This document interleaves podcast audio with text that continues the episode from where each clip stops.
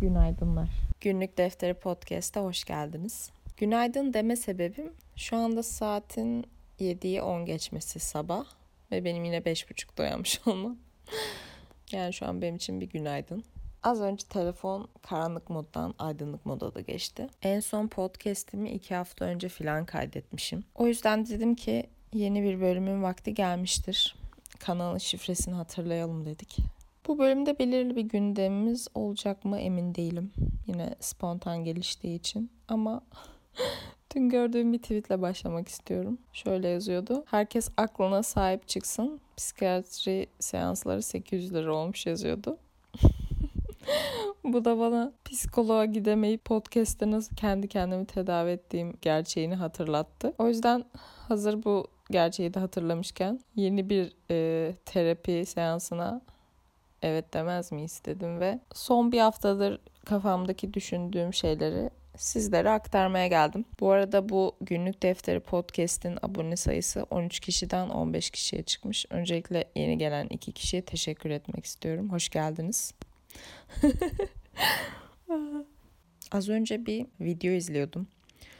Şimdi böyle ne zaman gece yarısı uyansam ya da uyku tutmasa vesaire ben hep işte YouTube'dan bir şeyler falan izliyorum ya da dinliyorum genelde. Güzel bir kanal keşfettim. Kadın böyle bazı spiritüel şeylerden filan bahsediyor. Türkçe bir kanal bu arada. İşte ilginçliği oradan Türkçe olarak. bu kadar güzel bir kanal bulmak neyse. Kadın e, videonun açıklama bölümünde işte videoya ne kadar az like basıldığından varyansın etmiş. Aslında hiç de öyle bir tipi yok ama işte demek ki bu tarz şeyler sorun olabiliyor. Ee, ben de şunu düşündüm. Ben aslında mesela YouTube videolarımda falan aslında insanların ne kadar like bastığını hiç dert etmiyorum. Ki videolarda işte abone olun, işte buna like basın falan şeylerini söylemiyorum genelde. Genelde dediğim yani birkaç videoda belki söylemişimdir. O da isterseniz modunda yapın, abone olun falan gibi hiçbir zaman söylemem. Çünkü şunu düşünüyorum yani ben de mesela YouTube'da abone olduğum kanalların tamamını onlar dediği için abone olmadım. Onlar demeden de oldum zaten. O yüzden ben de kendi kanalıma, kendi yaptığım işler için böyle düşünüyorum. Bilmiyorum ne derece doğru. YouTube'da herkes bunu söylemeniz gerektiğini söylese de ben böyle düşünmüyorum. Olmak isteyen insan zaten sen söylemesen de olacaktır. Zaten şöyle de bir gerçek var ki YouTube istatistiklerine baktığınız zaman kanalın %80'ini abone olmadan izleyenler oluşturuyor. Sağ olsunlar. Ee, onlara teşekkür etmeden geçemeyeceğim. Benim de takıldığım şey aslında kanalı mesela hep şunu düşünmüşümdür yani. Şu an mesela en çok izlenen videom işte 25 bin falan. Hani onun yarısı bile abone olmaya karar verseydi zaten şu an 10 bin abone falan vardı. Neyse canları sağ olsun. Şunu fark ettim. Aslında mesela ben o kadınla yani mesela o kadının kanalına aboneyim tamam ama hiçbir etkileşime geçmiyorum. Yorum yazmaktır falan. İşte en fazla hani abone olurum sevdiysem. İşte en böyle beğeni ifademi zaten işte o videoyu beğenerek zaten sunarım ama genelde böyle yorum falan yazmam yani. o yüzden diyorum ki bu e, yaptıklarımın e, karşılığını kendi YouTube kanalımda diyormuşum. Bu şekilde mi görüyorum? Ee, şaka bir yana YouTube kanalımdan memnunum aslında. İzlenmeler, işte beğeniler vesaire iyi bence ama ki bunu bir yıl gibi kısa bir sürede yapmış olmam da iyi. Sıfırdan başlayarak YouTube'la ilgili hiçbir şey bilmeyerek vesaire. Hatta dün 4 Ekim benim YouTube'a ilk videomu attığım gündü geçen yıl. Yani YouTube yıl dönümümü kutladım dün kendi içimde. Hatta YouTube'da story'de paylaştım şöyle bir şey de yazdım. Ekran ilk videomun ekran görüntüsünün üzerine. Bir yılda insan hayatında çok fazla şey değişebilir diye. Ki gerçekten doğru. Son bir yılda benim hayatımda o kadar çok şey değişti ki ben bile bu kadar çok şeyin değişeceğini tahmin etmezdim herhalde. Şöyle bir cümle daha geldi aklıma.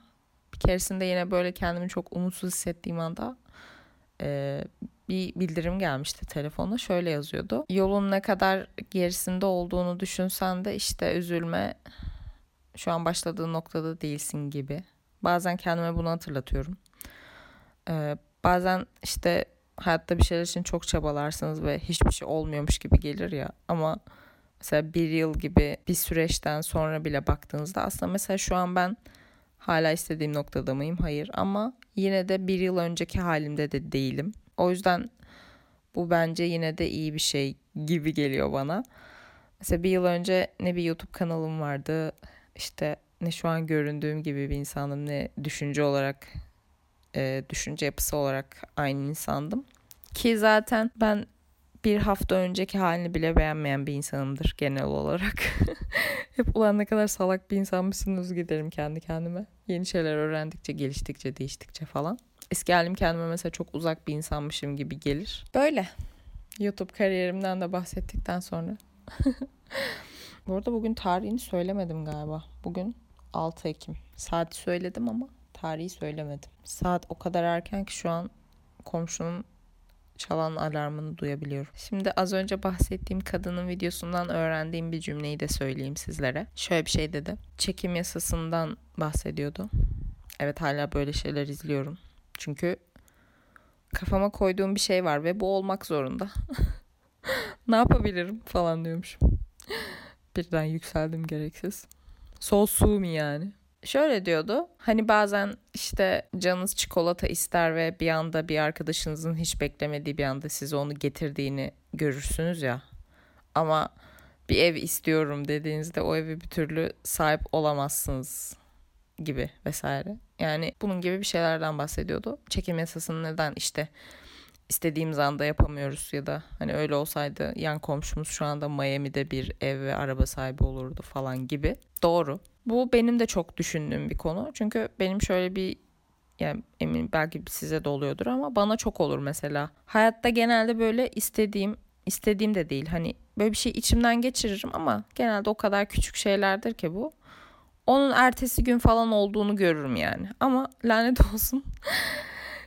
İçimden de hep derim ulan bu istek için değildi ya. Hayır hayır başka şu en çok istediğim hani yıllardır hayalini kurduğum şey var ya. Onun için olsun istiyorum falan diye.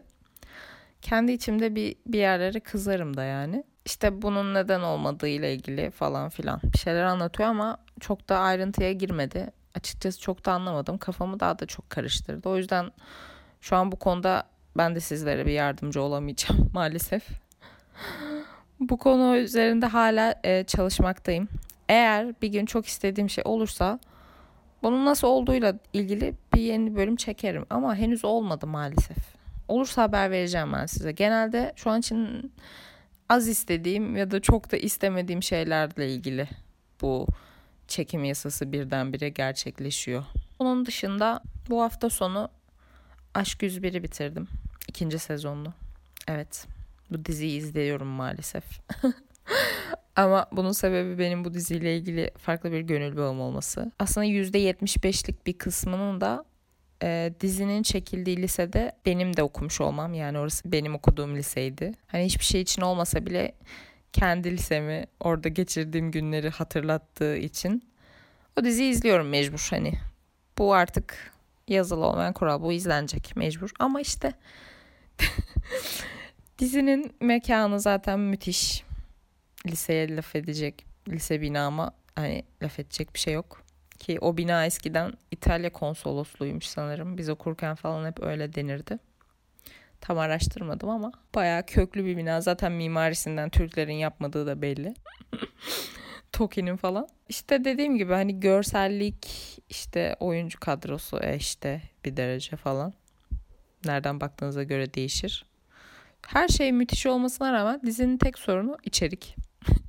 Konunun aşırı saçma olması. Fantastik bir evrende geçmesi mesela. Hani bir de casting o kadar saçma duruyor ki 30 yaşındaki adamlar gerçek lise öğrencileriyle birlikte oldukları için onların abisi ve ablası gibi durması ama onlarla aynı sınıfta olmaları falan. Yani bir kere görüntü çok saçma. Ama neyse işte onu yok sayarak izliyorsunuz bir şekilde. Bir de e, lisede lise çağında olan anne babasının aslında maalesef ki ama doğru bu. Hani hatırlayın lise hayatınızı. Lisede ne kadar mal olduğunuzu şu an hatırlayın bir saniyeliğine. Ama o lisede okuyan çocukların artık sanki üniversiteden sonraki hayatlarına geçiş yapmış gibi özgür, bireysel ve wow ben her şeyi yaparım havasında takılmaları. Yani biz de lise okuduk. Anlatabiliyor muyum? Lise böyle bir yer değil. Lisede sen zaten 15 yaşındasın. Mezun olduğunda 18 oluyorsun zaten. ve beyin kıvrımların henüz gelişmemiş oluyor. Ergensin. Yani dizide lise değil de işte üniversitede falan geçse daha mantıklı olabilirmiş. Dediğim gibi yani diziyi izlemeniz lazım. Hakikaten fantastik bir evrende geçiyor. Mesela Harry Potter'ı izlersiniz. Hani Harry Potter'da asla gerçek hayatta olmayacak şeyler vardır. İşte büyü yapılıyordur. İşte bir iksiri içerek başkasına dönüşebiliyorsunuzdur. İşte zamanda geriye gidebiliyorsunuzdur. Bu hayatta olamayacak her şey oluyordur. Ama bunu yadırgamazsınız. Aksine çok severek izlersiniz. O serinin hayranı olabilirsiniz. Instagram nickiniz bile bu sevgi doğrultusunda alınmıştır vesaire vesaire ama hani bunların olması sebebi zaten bunun baştan büyülü bir evrende geçtiğini kabul ederek izlemenizdir. Ama şimdi siz Aşk 101 dizisinde hani 20 yıl önce Türkiye'sinde geçen normal senin benim gibi insanlar olarak baka, bakıyorsunuz ama bir bakıyorsunuz ki aa lise böyle bir yer miymiş ya? O zaman benim lise hayatım bok gibi geçmiş. Üstelik aynı binada geçtiği için benim için e, aşırı ikili böyle kıyaslama yapılabiliyor. Kendisi biraz enayi gibi hissediyorsunuz açıkçası. Neyse işte hafta sonu bir de dün sanırım bu haftanın e, defter yapım vlogunu izlerken bir yandan defterleri dikerken Aşk 101'in final bölümünü izledim. İşte arkada ses olsun diye benim çalışırken çünkü arkada bir şey olması gerekiyor. Yoksa çalışamam, çalışmam mümkün değil yani. Ee, İngilizce altyazılı bir şeyi de takip edemediğim için sürekli bakmam lazım çünkü.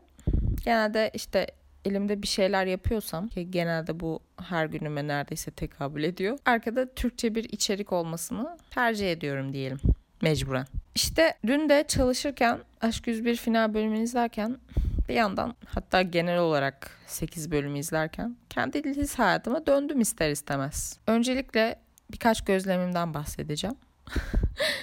e, diziyi izlediyseniz bilirsiniz. Dizinin geçtiği böyle bir kemerli merdivenli bir ortak salon var hani öğrencilerin böyle habire koşturduğu vesaire. Yani bizim zamanımızda şöyleydi diye yaşlı boomerlık yapmak istemiyorum ama o ortak salonda mesela ben okula giderken falan e, o kadar boş olurdu ki hani şunu hani şunu videoda da söyledim bu haftaki videoda. Hani orada belli ki zaten figüran tutulmuş işte 100 200 mü artık neyse. Gerçek okuldayken bile o kadar onun belki 700 katı öğrenci vardı orada. O kadar kişi o salonda durmazdı yani. Herkes sınıfında takılır vesaire. Allah'ım o kadar çok koşturuyorlar ki orada insanı izlerken başı dönüyor gerçekten. Hani gerçek lise bilmiyorum böyle bir şey mi? Bence değil. Mesela ben kendi hayatım, kendi lise hayatıma döndüğümde aşırı sıkıcı, böyle sıkıcı geçen ama bol bol kaoslu ama gün içinde normalde hep sıkıldığım bir ortamdır ya. Ya da bilmiyorum bizde öyleydi.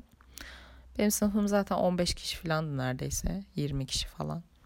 Bunların sadece 3-4 tanesi erkek. Gerisi zaten birbirini çekemeyen, sürekli birbirinin kuyusunu kazmaya çalışan kızlardan oluşuyordu. Ve sürekli işte böyle makyaj yapan, işte böyle okulun e, yakışıklı çocuklarıyla çıkıp sonra bir hafta sonra o çocuktan ayrılıp sonra bir hafta sonra öbür bölümdeki diğer yakışıklı çocuğa geçiş yapan Benim mesela bunu hiçbir zaman anlayamadığım. Allah'ım bu kız az önce hani geçen hafta şu basket takımındaki çocukla çıkmıyor muydu? Ne ara bilgisayar bölümündeki işte atıyorum Ahmet'le çıkmaya başladı. Bu kız bana aşık değil miydi falan beni dumuru oturdu. Çünkü ben lise hayatım boyunca böyle tek bir çocuktan hoşlanıyordum platonik olarak ve hiçbir zaman ona gidip de açılamamıştım. O yüzden insanların böyle gömlek değiştirir gibi sevgili değiştirmesi o zamanlar bir de aşırı utangaç ve şey bir kız olduğum için bana zaten aşırı tuhaf gelirdi. Ama şimdi düşünüyorum ki onlar bence en doğrusunu yapmışlar. Yani mal olan benmişim hakikaten. Burada kendimle biraz yüzleştim doğrusu. Çünkü 3 yıl boyunca uzaktan sevdin de ne oldu yani? Sonunda malın teki olduğunu anladın Özge. bu arada hmm, size bu aşkın sonu nasıl bittiğini de anlatayım bari merakta kalmayın. Bu hoşlandığım çocuk bizimle aynı bölümdeydi tamam mı? Bizim hatta yani bizim bir alt sınıftaydı. Ama aynı yaştayız yani. Ben işte böyle 3 yıl boyunca uzaktan uzağa hoşlanıyorum. Platonik işte kendimce acı çekiyorum vesaire. Tamamen salak bir durumdayım yani. Ama böyle şey de yapmıyorum. Gidip mesela çocukla sevgili olmaya falan da uğraşmıyorum. İşte böyle de bir gerizekalıyım yani. Halbuki git konuş değil mi yani? Seni reddetsin. En azından bu da bir şeydir. Hani hayatına bakarsın ne bileyim gidip öbür kızların yaptığı gibi başka bölümden bir çocuktan hoşlanırsın. Belki onunla çıkarsın sinemaya gidersin. Ee, hani ne bileyim daha ileri yaşlarında e, tecrübe etmemen gereken şeyleri küçük yaşında tecrübe edersin. Aşk acısını ne bileyim işte birisinin kalbini kırmasını vesaire biraz daha erken yaşta tecrübe ederdin ki bunlar ileride sana çok daha sert bir şekilde çarpmasın sevgili Özge. Şu an kendimle konuşuyorum lisedeki Özge ile. Şu an edit yaparken aklıma geldi o yüzden eklemek istedim. o kadar kimsenin haberi yok ki bu durumdan. Hani sınıftaki en yakın arkadaşıma bile söylemiyorum. Kız kankam yani düşünün. Hani ona bile yıllar sonra falan söylemiştim. Aa harbiden mi ya hiç fark etmedim falan demişti. Hani o derece Türk filmi modunda yaşıyorum. Böyle bir salaklık işte. Neyse. Dediğim gibi ben lisedeyken bu çocuğa hiçbir şekilde sevdiğimi ne belli ettim. Hatta belli edecek diye ödüm koptu yani o derece. Allah'ım ne kadar gerizekalıyım. Sanki şey olacak çocuk öğrenirse bana şey diyecek. Ne hakla sen beni seversin ya ne hakla. Hemen şimdi gidip işte seni polise şikayet ediyorum. Yani ödüm kopuyor anlatabiliyor muyum? Neyse ben ne zaman bu durumu kapatmaya karar verdim? Üniversiteye başlayınca. Üniversiteye başlayınca dedim ki ben bu çocuğa yazacağım. Haber vereceğim. Hani amacım şey değil hani artık işte tam muhtemelen çocuk kendine sevgili falan yapmıştır yani benim gibi mal değilse. Dedim ki ben bu çocuğa yazacağım ama amaç şey değil hani o da bilsin işte artık bu aşkım karşılık bulsun falan değil. Sadece bu artık içimde kalmasın. Ne de olsa artık liseyi de geçmişiz hani bir utanacak çekinecek bir şey de kalmamış. Hani bilsin en azından falan. Hani bir ufak kırıntı da var içimde yok değil yalan değil. Hani aa öğrenirse falan acaba bir kısmım şöyle düşünüyor. Aa Özge sen 3 yıl boyunca beni sevdin ve günlüklerinde hep bana şiirler falan mı yazdın? Aa hemen bu aşka karşılık veriyorum ve seninle sevgili oluyoruz falan. Bir, yani yüzde birlik kısmım içimde böyle bir şey diyor. Yalan yok şimdi. Ama bir yandan da diyorum ki Özge hayır bu çok düşük bir ihtimal. Yani olmaz zaten falan diyor. Ama %99'luk kısmım da diyor ki Özge artık hani bunu söyle kapat için rahatlasın. Artık üniversitede başka birine mi aşık olacaksın? Ne yapacaksan yaparsın kızım diyor bana. Ben gittim bu çocuğa Facebook'tan yazdım her şeyi. Dedim işte böyle böyle ben lisedeyken senden çok hoşlanıyordum. İşte sana bir sürü şeyler yazıyordum vesaire. Ama öyle duygusal bir metin yazdım ki. Hani bunu kendimi düşünüyorum şimdi. Bir, bir erkek bana bunu yazsa, bunu söylese falan. Hani şey olursun hani hiç böyle ondan haberin bile olmasa ulan aa falan hani bir, bir etkilenirsin yani. Bu bu gerçek hani. Hiç hoşlanmasan bile bir hoşlanacağını tutar yani. Sana bu kadar derin duygular besleyen bir insan olduğundan haberin olsa hani belki aynı şekilde karşılık veremeyebilirsin o insandan hoşlanmayabilirsin ama bir etkilenirsin yani değil mi bu durumdan? Bir gururun okşanır yani en azından. Ne bileyim o insanı bir tanımaya sevmeye bir tanımaya çalışırsın en azından bu insan kimmiş diye. E, bu çocuk cevap olarak ne yazdı zannedersiniz? Hiçbir şey yazmadı öncelikle. Hatırlıyorum beni ekledi tamam mı Facebook'ta ekledi. Ben kabul ettim hemen. Ama hiçbir şey yazmıyor tamam mı? Cevap yok vesaire. Ben de hani şeyden ölüyorum meraktan yani. Ne olacak acaba? Aa çok mu etkilenecek falan vesaire. Sonra dedim ki sadece ne düşündüğünü merak ediyorum yazdım. Cevap olarak ne geldi dersiniz? Bir şey düşünmüyorum. evet aynen söylediğim gibi hani bir kere e, sevdiğim insanın Türkçesinin e, ne kadar bozuk olduğunu öğrenmiş oldum. Mesela işte lisedeyken konuşmuş olsaydım mesela bunu daha erken fark edip onu sevmekten vazgeçebilirdim mesela. Bak bu bile bir şey ama yazmış ki bir şey düşünmüyorum yani ee, bir şey bir şeyi bisi olarak düşünün diyorum hani ar- arada y yok ee, Türkçeyi bu kadar katleden birisiymiş mesela Of çok salakça. Bak yani şu mesajı gördüğüm anı çok net hatırlıyorum. O zamanlar Hereke'deki öğrenci evimdeydim. O oturduğum kanepeyi o anı çok net hatırlıyorum bilgisayarda onu gördüğüm anı. Anında şöyle düşünmüştüm. Ulan ben bu gerizekalıya mı aşık oldum? Ben bu gerizekalıyı mı seviyordum yani falan diye. Yemin ediyorum yaptığım ilk şey ne oldu biliyor musunuz? Çocuğu arkadaşlıktan çıkardım. Hatta engellemiş bile olabilirim. Yok engellemedim. Arkadaşlıktan çıkardım. Hiçbir şey yazmadım. Hiçbir şey yazmadım ve böyle bir süreliğine ne kadar mal bir insan olduğumu sorguladım falan. Lise hayatımı ne kadar boktan geçirdiğime dair düşünceler geçti kafamdan. Ve şunu düşündüm. Ya keşke şu mesaj olayını e, o zaman yapsaydın abi işte. Şu olayı ya okurken yapsaydın ya. Çocuğu görüyorken her gün orada falan vesaire. Yapsaydın ne kadar salak bir insan olduğuna karar verip lisede belki başka birine aşık olsaydın ya da ne bileyim hiç kimseye aşık olmasaydın falan. Ama işte üf, liselilik ya ergenlik işte. O zamanlar böyle hayata dair hiçbir bok bilmediğin için ve ergenlik duygularında tavan olduğu için işte böyle bir de böyle her şeyin filmlerde izlediğin gibi falan olduğunu zannediyorsun. işte böyle bir anı. Galiba bugün lise anılarından bahsedeceğiz. Öyle görünüyor bu podcast. Şu an psikoloğuma lise anılarımdan bahsediyorum. Terapimiz sanırım bir 5-6 bin liraya kadar çıkacak. Evet biraz uzayacak. İşte şunu düşündüm yani dizi izlerken her şey o kadar keskin ve net anlatıyorlar ki yani hani biz de liseli olduk yani. Biz de lise hayatını yaşadık. Hiçbir şey o kadar kesin ve net olamıyor. Böyle çoğunlukla hülyalı bir şekilde uzaklara dalarak, düşünerek falan geçiyor yani. Ve ne yapacağını bilemeyerek. Çünkü o kadar özgüvenli ve cesaretli olamıyorsun maalesef. Ya da bu bana özgü bir şeydir bilmiyorum. Ya şunu düşündüm aslında şu dizi filmlerin vesairenin bizim hayatımızı ne kadar mahvettiği ile ilgili bir teorim var benim. Hani mesela şunu düşünüyorum yani çocuğum olsa hakikaten ben dizi film izletmem yani. O şeyden değil hani küçükken işte öpüşme sahnesi falan çıkınca böyle bir rahatsız olurdun işte kanal değiştirirdi falan ya. Öyle bir şey değil yani. Asıl izletilmemesi gereken şeyler hani böyle hayata dair yanlış yanlış şeyler öğreten kısımlarmış bence. Hani o kısımlarda değil. Çünkü hayat öyle bir şey değil yani. Ben mesela izlediğim hayatı böyle hep izlediğim dizi filmlerdeki gibi olacak zannederdim işte. Birisini çok sevdiğiniz zaman işte gerçek aşkınızı bulduğunuz zaman vesaire o sizi hiç bırakmayacak. Hayatınızın sonuna kadar onunla birlikte olacaksınız. Bu arada bahsettiğim bu lise aşkı gibi platonik aşktan bahsetmiyorum. Karşılıklı olan.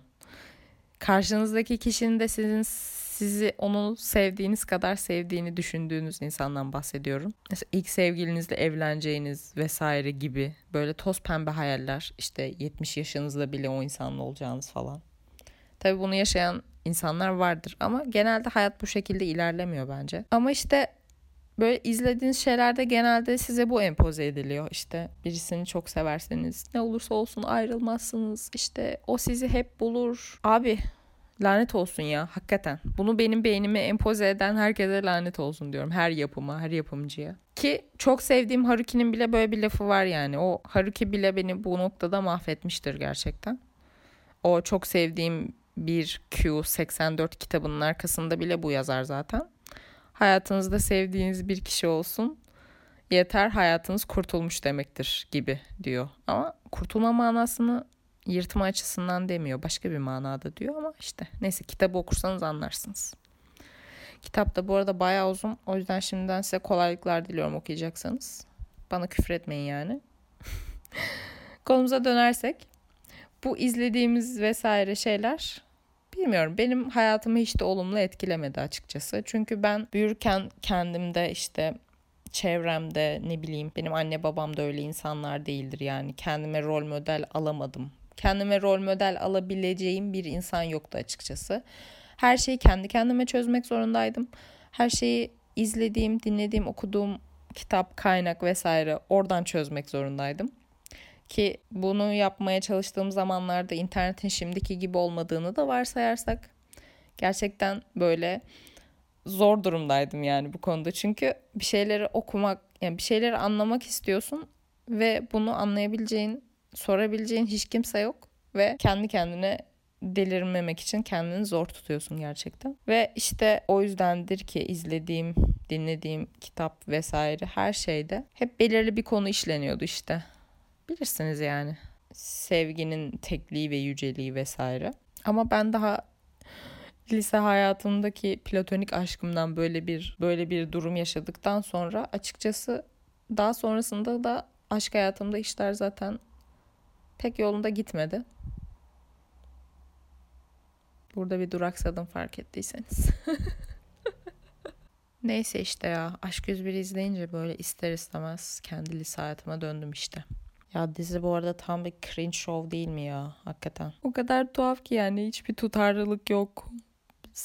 Karakter bir anda bir şey yapıyor sonra bambaşka bir şey yapıyor. Karakter bütünlüğü vesaire hak getire zaten. Ama işte bu diziyi izledikten sonra bende yarattığı duygu ve düşünceler yine hayatımdaki şu aralar hissettiğim çok temel bir noktaya parmak bastı. O da artık böyle hiç mesela sıkı sıkıya tutunduğum bir değer yargım hakikaten kalmadı. Ee, bu iki yıl önce falan zaten gerçekleşti. Mesela önceden böyle hayatta inandığı bazı şeyler olan birisiydim dediğim gibi. Öncelikle aşkın kutsallığına inanıyordum mesela. o zaten paramparça oldu. Onun dışında ne bileyim yani o kadar çok şeyle ilgili değer yargım, inanç yargım vardı ki hani en basitinden mesela veganlık diye bir şeyi hani son iki yıldır hayatımızda gibi hani eminim ki çok daha öncesi var zaten ama ya biliyorsunuz işte veganlık bu son iki yıldır popüler olan bir şey. Hani veganlık bile beni bu hayatta hayal kırıklığına uğrattı. Anlatabiliyor muyum? Hani hani ilkokulda nasıl büyüyoruz, büyüdük mesela? İşte et, süt, yumurta. Bunlar temel besin kaynaklarıdır insanların. İnsanlar bunlardan yemelidir. Bakın yemelidir. Bize böyle öğretildi sonuçta. Süt içmeliyiz her gün büyümek için, boyumuzun uzaması için. İşte et yemeliyiz, işte yumurta vesaire. Sen böyle düşünüyorsun. Hayatını bunun üzerine kurguluyorsun. Sonra bir yaşa geliyorsun ve veganlık diye bir şey çıkıyor ve aa aslında hayvansal ürünler tüketmemeliymişiz. E ben şimdi kime inanacağım? Yani kime inanacağım? O zaman bunca zaman ben boşuna bir hayat mı yaşadım? Hakikaten veganlığın bile beni hayal kırıklığına uğrattığı, bana hayatımı sorgulattığı bir şeydeyim. Çünkü benim en sevdiğim içeceklerden birisi ayran olabilir gerçekten. Çünkü düşününce mantıklı olarak hani sağlıklı içebileceğiniz tek şey o var. Mesela kola sağlıksız işte meyveli sodalar, sağlıksız ne bileyim meyve suları, kutu meyve suları. Hepsi sağlıksız şeyler. Yani içki içmediğim için bilmiyorum. Hayatım boyunca içki içmedim çünkü. Hala daha içmeyi düşünmüyorum. İçki de içmiyorum ki içkinin de zararlı olduğunu zaten biliyoruz. Onun dışında bana içebileceğim tek sağlıklı şey çay ve suyu çıkartırsak zaten ayran kalıyor. Hani kahve çok tüketen bir insan değilim ama kahvenin de zararlı olduğu söyleniyor zaten. Ve sevdiğim işte yıllarca böyle yemeklerin yanında içtiğim e, zaten çok faydalı olduğunu düşündüğüm şey bir öğreniyorum ki aa o da hayvansal bir ürün ve o da zararlı. Yani ulan daha ne yapayım ya? Yani kendimi öldüresim geliyor bazen gerçekten. Hani böyle yani biraz abarttım öldüresim gelmiyor da hani böyle bilmiyorum sizin de hissettiğiniz oluyor mu? Yani ulan bu her yaşadığım yalan mı ulan yani o zaman ben neye inanacağım anladınız mı? Böyle hayatta bildiğiniz her şeyin yalan olduğunu hissettiğiniz anlar olmuştur. Hani yıkıldığınız, darmaduman olduğunuz ne bileyim. Bütün değer yargılarınızın alt üst olduğu, böyle inandığınız, sıkı sıkıya tutunduğunuz her şeyin sıfırlandığı bir an vardır illaki. Yani yoksa da umarım bunu yaşamazsınız. Çünkü o küçük pembe bulutun içinde yaşamak zaten güzel. O yıkıldığı anda gerçekten bir daha eski kendiniz olamıyorsunuz zaten ve o eski saf, güzel, mutlu günlerinizi gerçekten özlüyorsunuz bir yandan. Ama o günlerde ne kadar da salakmışım da diyorsunuz içinizden gerçi. İşte bilmiyorum yani bu çok bir paradoks bence. Öyle benim hakikaten son 2-3 yıldır e, inandığım tüm değer yargılarım gerçekten yıkıldı. Artık böyle hayata bir sıfır noktasından bakıyorum. Hiçbir şeye böyle karşı aşırı bir inancım, değer yargım vesairem yok. Ama bunun güzel bir yanı var. Kimseyi böyle o zaman yargılamadan işte dediğim gibi sıfır noktasından bakabiliyorsunuz. Çünkü bazı değer yargılarınız olduğu zaman ister istemez e, yeni tanıştığınız bir insanı bile o değer yargılarına göre bir süzgeçten geçiriyorsunuz ama kendinizi bir noktada resetlediğinizde böyle sıfırladığınızda artık hayata yeni başlayan bir çocuk gibi bakabiliyorsunuz ama bunun hakikaten böyle çok büyük bir kayboluş olduğunu da söylemeliyim. Kimle konuşuyorum şu anda bilmiyorum. Hayali bir psikoloğa anlatıyorum bunları. Bu hayatta hiç yıkılmayacak bir değer yargısı da var mıdır?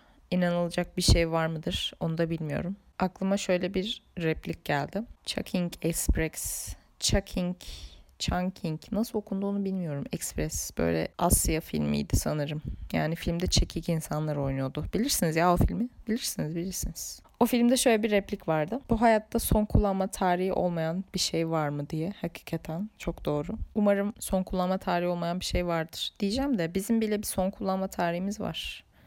Sadece biz bu son kullanma tarihinin ne zaman olduğunu bilmiyoruz maalesef. Sonuçta bu son kullanma tarihi yarın bile olabilir. Garantimiz yok. Böyle dostlar. Yine uzun konuşmuşum. Bugünkü iç dökmeli podcast seansımızın sonuna geldik. Pardon terapi mi demeliydim acaba? Günlük defteri podcast'in sonuna geldik diyelim. Buraları biraz boşlamıştım. Kendi esas günlüğümü boşladığım gibi. Çünkü bu aralar hayattaki gerçek koşturmaların içindeyim. Çok fazla bir şeye vaktim kalmıyor ama işte böyle spontan gelişen zamanlarda telefonun kayıt tuşuna basıyorum işte. Benim başkalarına yaptığım gibi beni de kimlerin dinlediğini, kimlerin bu bahsettiğim şeylerden ürettiğim içeriklerden hoşlandığını bilmiyorum ama sanırım böylesi daha iyi. O yüzden beni dinlediğini bilmediğim herkese dinlediği için teşekkür ediyorum ve umarım yakın bir zamanda yeni bir podcast bölümünde görüşmek üzere diyorum. Hoşçakalın.